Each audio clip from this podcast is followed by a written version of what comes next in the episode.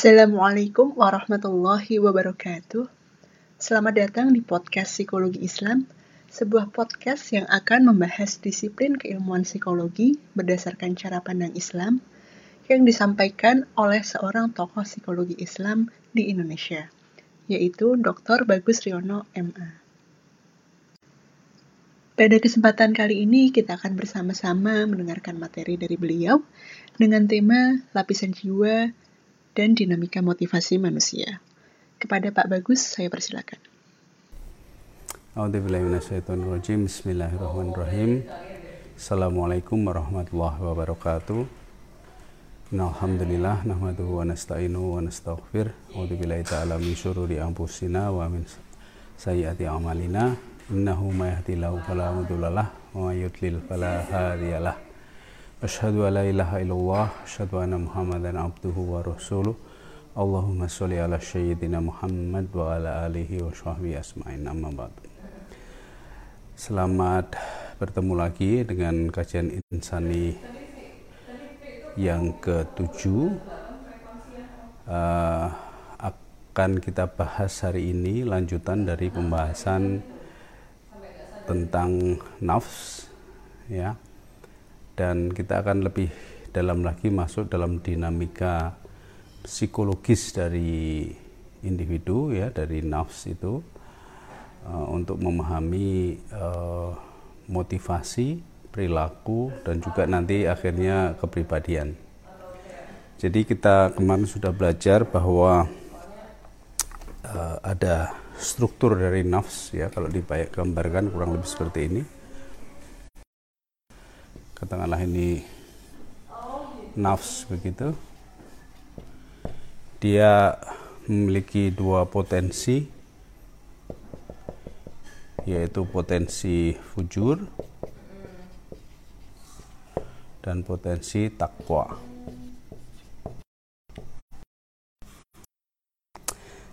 Nah, kemudian nafs ini juga berinteraksi dengan setan dan malaikat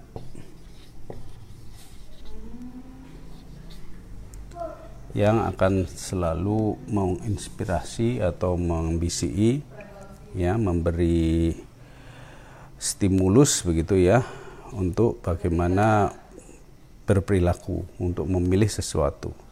Nah, sehingga nafs ini juga punya kemampuan e, berupa kebebasan, freedom dan e, responsibility atau tanggung jawab. Jadi responsibility itu adalah suatu kemampuan untuk mempertanggungjawabkan apa yang dia lakukan. Nah, freedom itulah kemampuan untuk menginisiasi suatu perilaku yang dia putuskan sendiri. Ya, dah di sinilah uh, logika dari uh, freedom dan responsibility. Dan di situlah maka di dalam ayat Quran yang bahas tentang nafs ini hampir uh, sekitar 80 70 sampai 80 persen itu mengatakan bahwa sungguhnya kita ini manusia ini suka menganiaya diri sendiri. Artinya apa? Artinya segala sesuatu yang menimpa diri kita itu sebetulnya karena kesalahan kita sendiri, karena pilihan kita sendiri. Sehingga adalah wajar bahwa e, manusia itu harus mempertanggungjawabkan apa yang dia lakukan.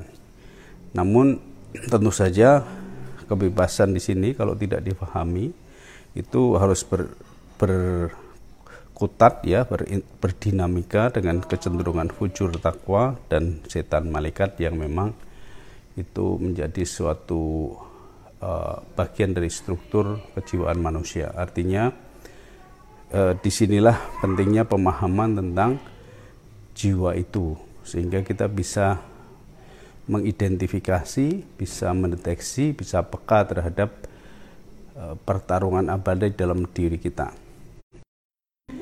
Kemudian dalam aplikasinya secara psikologis uh, kemarin kita juga sudah bahas bahwa uh, nafs ini lalu memiliki fungsi ya fungsi yang berlapis-lapis yang disebut sebagai lapisan jiwa.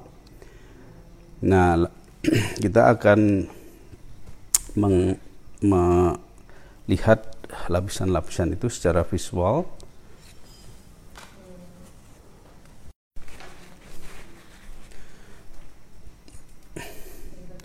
dan lapisan-lapisan itu sebetulnya perpaduan juga antara fungsi uh, struktur dan fungsi ya.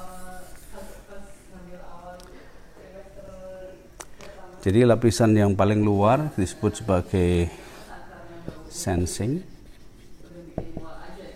Ini adalah suatu lapisan yang uh, menunjukkan fungsi nafs ketika dia berinteraksi dengan alam benda di sekitarnya ya. Dari bagaimana dia uh, berinteraksi dan merespon dari benda-benda yang ada di sekitarnya. Dengan sense dengan indranya ya dengan sensasinya. Nah kemudian di level lebih dalam itu ada reasoning ya. Ini adalah fungsi yang lebih dalam uh, bicara pada alam makna ya. Alam makna yang itu uh, lebih abstrak ya lebih ber, bernuansa konsep. Dan ini kalau kita kaitkan dengan kajian kita sebelumnya ini yang terkait dengan uh, nama ya nama-nama benda uh, suatu konseptualisasi dari materi tersebut.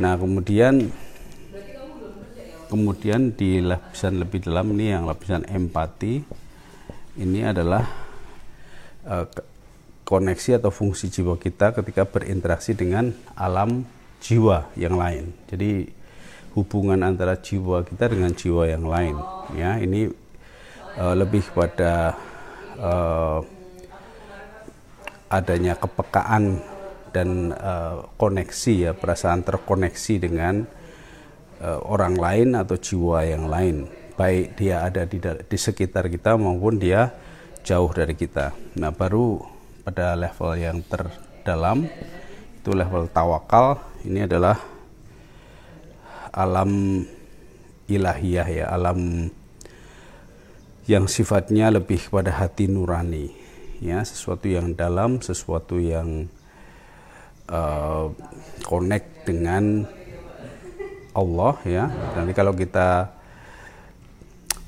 uh, ilustrasikan pada kisah Nabi Ibrahim maka ini adalah ketika Nabi Ibrahim uh, merenung ya tafakur ya mau meng, me, mengamati alam semesta, ya merenungkan alam semesta di dalam hatinya dia ingin bertemu dengan Allah, dia ingin berinteraksi, berkomunikasi dengan Allah, ya. Karena ada keyakinan di dalam uh, jiwanya tersebut. Nah, dari lapisan-lapisan uh, fungsi jiwa inilah maka mulai muncul apa yang kita kenal sebagai dinamika psikologis ya. Bagaimana seseorang itu uh, merespon lingkungannya, berinteraksi dengan lingkungannya, berperilaku, ya, bersikap, dan di balik empat lapisan ini sebetulnya ada apa yang disebut sebagai uh, koneksi antara jiwa kita dengan diri kita sendiri dengan jiwa kita sendiri. Ini yang menembus eh, lapisan-lapisan uh, ini ini yang disebut sebagai uh, taskia taskia ya. Jadi memahami diri sendiri merenungkan berintrospeksi. Saya ini sedang di mana ya. Saya ini eh, sebetulnya hati saya eh, perilaku saya ini niatnya apa? Bagaimana dinamikanya? Bagaimana muncul ide untuk melakukan ini dan sebagainya? Itu adalah proses taskia dan ini kita belum bahas kemarin. Jadi taskia ini adalah koneksi antara kita dan diri kita atau kesadaran kita terhadap dinamika yang ada di dalam diri kita sendiri. Nah ini sangat penting. Nah, taskia ini sendiri sebetulnya um, bukan sekedar merenungkan, tapi merenungkan yang memiliki tujuan ya, tujuan uh, purifikasi atau pensucian, kemudian uh, penyuburan atau penyiapan dan pengembangan. Jadi kita eh, ketika melakukan taskia itu art, artinya kita berusaha membebaskan diri dari pengaruh-pengaruh buruk misalnya dari setan dan juga kita berusaha menyadari kalau sebetulnya yang dominan berperan dalam perilaku kita itu adalah potensi fujur misalnya sehingga kita me mengoreksi itu. Ada proses koreksi dalam taskia ini. Jadi ada ada dinamika di balik dinamika ya, ada uh, second level uh, consciousness ya, taskia ini. Kalau kita lihat tadi sensing itu adalah kesadaran tentang alam benda, kemudian reasoning kesadaran tentang alam makna, empati itu kesadaran antar jiwa, antar koneksi antar jiwa, kemudian uh, tawakal itu adalah kesadaran uh, rohaniah ya jadi yang terkait dengan hati nurani. Nah taskia ini adalah kesadaran lebih dalam lagi yang bisa me, meng, me, mengupas ya atau kalau dalam bahasa Jawanya itu metani ya meng, menguliti ya eh, dinamika dinamika kita yang empat ini. Karena bahkan ketika kita berbicara soal tawakal itu eh, kita juga harus berhati-hati apakah sudah betul-betul ikhlas ya kita sudah ridho ya atau kita masih masih belum ada uh, kesucian di dalamnya ya seberapa tulus kita di dalam uh, berinteraksi uh, terkait dengan hubungan kita dengan Allah tersebut ya sehingga di sini kita sangat penting melakukan taskia di sini. Nah ini adalah satu uh, dinamika fungsi dari jiwa. Oke. Okay? Nah adapun uh, pada dimensi yang lain ya, dimensi yang lain yang sebetulnya juga terkait tapi kita melihatnya ibarat uh, apa uh, berlian ya intan itu diamond itu kan itu satu barangnya satu tapi banyak sekali uh, sisinya ya. Dan kita bisa lihat dari sisi yang lain itu kita akan mendapatkan apa yang disebut suatu model uh, motivasi atau uh, kepribadian ya. Nah di sinilah keunggulan dari psikologi Islam. Kita melihat Uh, unsur-unsur uh, secara multidimensional ya. Sehingga kehidupan kita itu diri kita itu pemahaman kita tentang diri kita itu menjadi uh, uh, tidak tidak sekedar linier ya tapi multidimensional ya nah kita tadi dalam struktur nafs ya kita sudah mengenal adanya kebebasan ya atau freedom. Freedom di sini artinya freedom to choose ya, freedom untuk menentukan pilihan. Itu adalah salah satu core dari uh, dinamika nafs kita. Dan inilah yang menjadi alasan atau menjadi satu uh, rasional ya kenapa manusia itu harus bertanggung jawab. Karena dia di, diberi uh, kebebasan ya. Nah, kebebasan itu muncul dari mana? Karena manusia ini hidup di dunia ini sebetulnya mengemban amanah ya sehingga dia memiliki uh, kemampuan untuk mengambil keputusan ya dan dalam kisah Nabi Adam juga juga sudah digambarkan bagaimana seorang manusia yang masih uh, apa dekat dengan Allah ya berinteraksi dengan Allah berkomunikasi langsung dengan Allah tapi bisa memilih untuk melakukan sesuatu yang melanggar uh, perintah atau ketentuan Allah. Ini adalah suatu uh, potensi yang di di apa istilahnya itu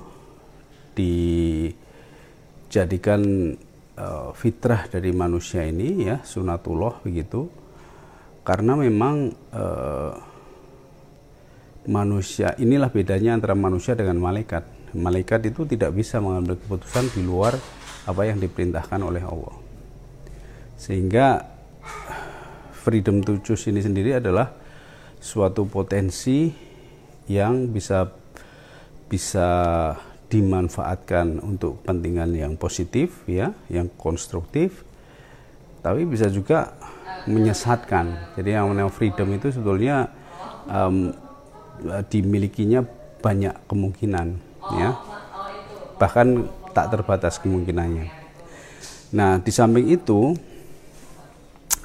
uh, manusia juga kalau dalam bahasa Inggrisnya itu ada kekuatan di dalam diri manusia atau energi dalam diri manusia yang disebut sebagai urge ya. Mungkin dalam bahasa Qurannya ini uh, bisa di sepadankan dengan syahwat walaupun tidak persis sama ya. Nanti kita bisa gali lebih jauh. Dan ini kesempatan untuk uh, pengembangan teori lebih jauh. Tapi yang jelas uh, energi yang ada di dalam diri manusia ini berupa urge ini itu juga dimiliki semua manusia ya. Suatu desakan suatu desakan yang itu uh, seolah-olah memaksa diri kita untuk memenuhinya atau melakukannya. Dan secara teoritis eh, secara teori psikologi ya ini bisa diklasifikasikan menjadi eh, pertama itu insting ya kemudian yang kedua itu needs lalu wants dan uh, revenge Oke, okay? jadi kalau insting itu adalah suatu uh, kemampuan manusia untuk bertindak secara otomatis ya dalam rangka survival ya. Jadi insting itu adalah sesuatu yang harus dilakukan agar satu survive. Jadi manusia itu punya kemampuan survival yang sangat tinggi. Nah, kemudian needs itu adalah uh, sesuatu yang harus didapatkan tapi dalam konteks masih survival ya.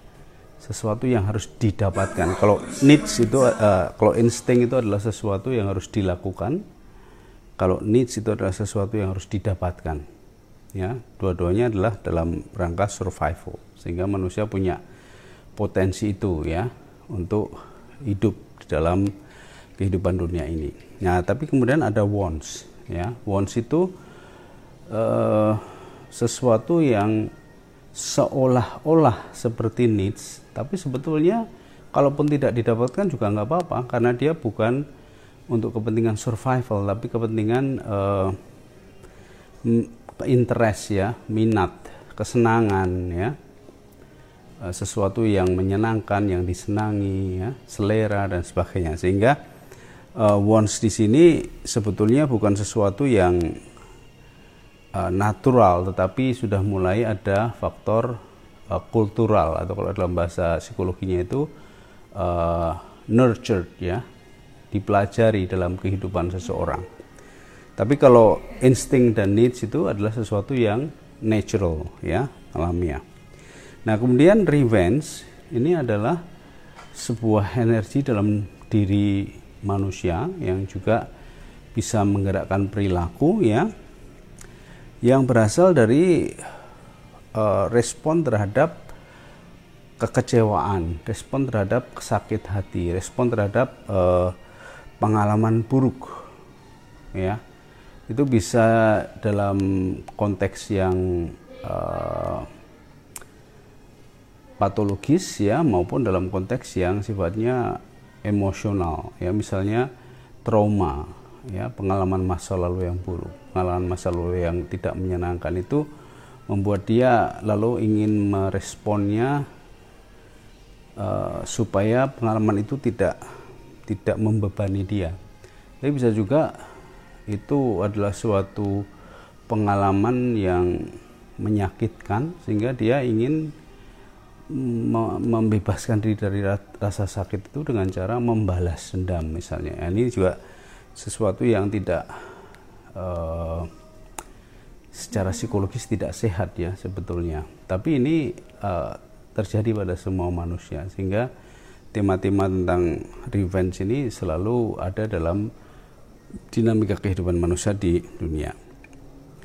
Nah ini semua uh, adalah bagian dari gejolak-gejolak yang ada di dalam diri, dalam jiwa manusia yang dia akan punya kekuatan untuk uh, berinteraksi dengan freedom ya atau membatasi kebebasan manusia karena kebebasan yang tadinya itu apa tak terbatas arahnya sehingga diarahkan oleh urge-nya dia sendiri atau syahwatnya ini. Sehingga dia istilahnya melakukan drive ya.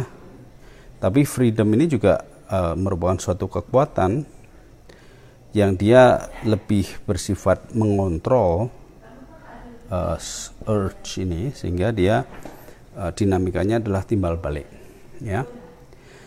Nah sehingga uh, apa ya istilahnya dalam diri manusia dalam jiwa manusia itu sebetulnya terjadi banyak dinamika yang kalau tidak di tenangkan atau tidak disadari, tidak ditata begitu, dia akan menjadikan sumber-sumber kegelisahan dalam kehidupan manusia. Jadi manusia itu memang makhluk yang uh, gelisah ya. Dia banyak sekali kekuatan di dalam dirinya yang saling uh, dorong-dorong, tarik-menarik ya. Dan tentu saja uh, dinamika ini tidak terlepas dari setan dan malaikat tadi ya jadi setan dan malaikat itu juga bermain di sini uh, terutama hal-hal yang sifatnya revenge dan wants ini akan menjadi bagian dari potensi fujur yang nantinya akan dikompori uh, oleh setan ya. Dibuat baik dibuat seolah-olah baik ya. Sementara malaikat akan mengingatkan bahwa kita punya kemampuan untuk mengendalikan diri ya. Freedom to jus ini bahkan uh, syahwat kita sendiri atau urge kita sendiri itu sebenarnya kita bisa mengendalikan. Ini yang yang akan dikuatkan oleh malaikat ya. Nah, sehingga dengan memahami ini kita juga akan uh, bisa lebih faham tentang diri kita sendiri, kita bisa lebih mengenal diri kita sendiri dan kita bisa bertaskiah juga ya tentang diri kita sendiri untuk memahami kegelisahan-kegelisahan kita. Nah, kehidupan manusia di samping dia berinteraksi dengan dirinya sendiri itu ada lingkungan ya dan lingkungan itu akan memberikan uh, challenge yang pertama pada diri manusia ya. Challenge itu didefinisikan sebagai suatu stimulus yang seolah-olah memaksa kita untuk merespon ya. Jadi tamu yang tidak diundang itu tiba-tiba muncul ini bisa berupa kejadian alam seperti kita sekarang ini dalam uh, wabah corona ini kita mengalami challenge berupa uh, tuntutan untuk apa survival sebetulnya terkait dengan survival ya. Challenge dengan uh, dari pemerintah atau dari dari apa otoritis ya yang berwajib itu untuk kita mengendalikan diri. Challenge dari kesehatan untuk kita ingat bahwa kita harus uh, hidup bersih dan sebagainya itu challenge semua. Jadi tidak diundang itu, tapi datang sendiri ya. Dia dia adalah sesuatu yang uh, sesuatu yang uh, seolah-olah bukan hanya seolah sebetulnya ya, tapi betul-betul harus kita respon ya. Tapi kadang-kadang ada challenge yang uh, semu atau nisbi ya. Uh, misalnya kompetisi misalnya. itu apakah selalu harus direspon atau tidak tergantung konteksnya. Jadi ini challenge ini juga kadang-kadang mengecoh juga. Dan kebebasan kita ini juga uh, bisa menilai ya apakah challenge itu bisa direspon atau tidak sehingga dia arahnya juga dua ya. Ketika dia datang dia datang sebagai tekanan atau pressure. Tapi ketika dia uh, di dikelola ya uh, dia akan dilihat sebagai sesuatu yang sebetulnya uh, sebagai sarana ya atau sesuatu yang sifatnya uh, menjadi jalan ya jalan untuk apa jalan untuk mencapai meaning ya. Jadi kalau kita ini ada teori tentang flow ya. Kalau kita perhatikan ya uh, apa pun challenge termasuk wabah corona ini ini sebetulnya adalah kesempatan kita untuk introspeksi ya untuk bertaskiah juga untuk uh, belajar ada makna apa di balik itu ada hikmah apa di balik uh, challenge itu. Sehingga uh, seorang individu itu bisa justru melihat challenge itu untuk mencapai meaning ya. Sehingga ada istilah di sini challenge seeking behavior. Mencari tantangan gitu ya. Nah di samping itu uh, apa itu uh, lingkungan juga berperan dalam memberikan apa yang disebut insentif ya. Insentif ini ya berupa support ya. Berupa dukungan berupa uh, feedback ya tentang apa yang kita lakukan ya. Dan ini bisa menguatkan apa yang sudah kita pilih ya free, eh, berdasarkan freedom kita juga ini bisa berfungsi sebagai reinforcement reinforcement itu sesuatu yang menguatkan Nah, sebetulnya juga uh, insentif ini sesuatu yang selalu terjadi dalam kehidupan kita sehingga kita bisa expect ya, kita bisa perhitungkan eh, insentif itu. Kita bisa melakukan kalkulasi ya uh, dan eh, kita juga bisa melihatnya itu sebagai suatu jalan, sebagai instrumen ya yang bisa kita kalkulasi, expect itu kita kalkulasi ya untuk instrumen menuju meaning instrumental ya menuju meaning. Nah, inilah yang disebut sebagai model uh, motivasi manusia atau dinamika motivasi manusia. Dinamika motivasi manusia yang sangat uh, dinamis gitu ya. Dan ini terjadi bisa secara simultan, integrated ya, sistemik ya, tidak tidak hanya parsial karena uh, pada setiap situasi dan kondisi ini semuanya bisa bermain bersama. Tapi tinggal mana yang lebih dominan. Atau dengan kata lain, pada setiap situasi kita bisa mencari meaning atau mencari hikmah, ya, bisa belajar. Itulah sebabnya di sesi tentang uh, peran manusia hidup di dunia sebagai pembelajar ini juga menjadi ya, bisa dijelaskan dengan model Eh, motivasi manusia ini, dinamika ini. Jadi belajar itu adalah mencari meaning, ya, dan uh, hidup yang penuh dengan ujian ini, ya, ujian itu berupa challenge, bisa juga berupa insentif, ya, ujian dalam arti kemudahan itu bisa nggak kita angkat ke arah meaning. Sementara itu kita di dalam diri kita sendiri kita juga harus berinteraksi dengan potensi fujur yang ada dalam diri kita, kekuatan syahwat yang ada dalam diri kita, uh, yang harus kita kendalikan, ya, karena di situ juga mengandung makna yang nantinya bisa kita jadikan pelajaran ya dalam menghadapi kehidupan ini.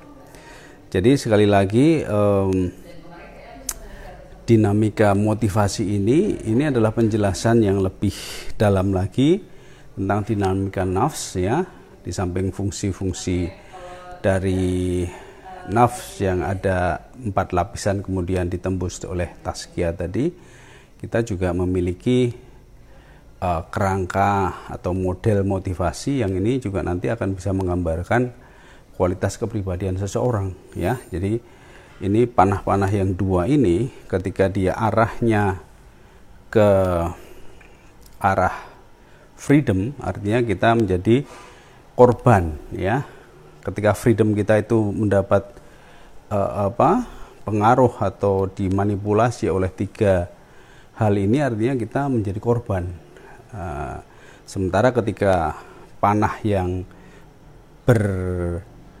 berfungsi ya di dalam dinamika ini adalah keluar dari freedom ini maka kita akan mencapai meaning. Nah, di situlah uh, ilustrasi tentang kita sebagai saksi ya. Jadi kita sebagai kita ada dua hanya ada dua kemungkinan dalam menghadapi kehidupan ini.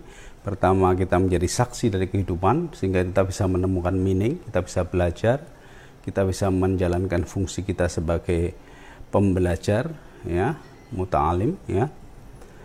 Uh, atau kita menjadi korban dan menjadi bingung karena harus menuruti banyak hal yang kita sendiri tidak bisa mengendalikannya. Nah, itu yang disebut sebagai kepribadian yang bermasalah. Nah, nanti masalahnya bisa macam-macam. Ini adalah kerangka umumnya. Pada prinsipnya hanya ada dua kemungkinan uh, kepribadian seorang individu yang bisa bersaksi ya bersyahadah ya uh, dalam kehidupannya atau kepribadian seorang individu yang dia menjadi korban di dalam kehidupannya di sinilah yang menjadi uh, pesan penting dari uh, model motivasi manusia ini. Nah, oleh karena itu, maka jawaban juga untuk kita bisa uh, memilih atau memposisikan diri sebagai kepribadian yang sehat sekali lagi kita harus bertaskiah ya. Salah satunya adalah memahami dinamika ini. Jadi bertaskiah itu oh, salah satu dan yang uh, poin yang penting itu adalah dengan berilmu ya dengan memahami uh, tanda-tanda uh, ayat-ayat ya di alam semesta dan dalam diri kita sendiri. Apa yang terjadi sebetulnya ini dengan memahami itu maka otomatis kita sudah membersihkan diri dari uh, prasangka-prasangka yang keliru ya sehingga kita bisa tahu apa yang terjadi dan setelah kita tahu apa yang terjadi kita bisa tahu apa yang harus kita lakukan dan kita tahu bahwa kita punya kebebasan untuk memilih apa yang seharusnya kita lakukan. Nah, ini ini juga terkait dengan uh, uh, ya, seperti halnya tadi fungsi dari jiwa yang terdiri dari lapisan-lapisan tadi. Ini sesuai dengan surat As-Sams ya. Wa alhamaha fujuraha wa taqwaha qad aflaha man zakaha. Jadi beruntunglah mereka yang selalu bertaskiah. Ya, jadi e, bertaskiah itu adalah suatu disiplin diri ya.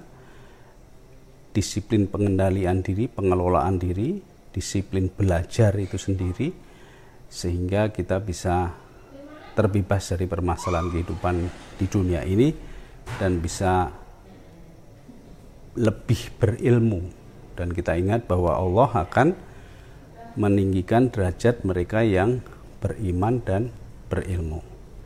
Saya kira untuk kajian kali ini saya cukupkan sekian. Mudah-mudahan nanti ada uh, pertanyaan ya sehingga kita bisa mendiskusikan lebih jauh eh, apa-apa uh, yang uh, perlu dijelaskan lebih mendalam lagi. Terima kasih. Wabillahi taufik wal hidayah. Assalamualaikum warahmatullahi wabarakatuh.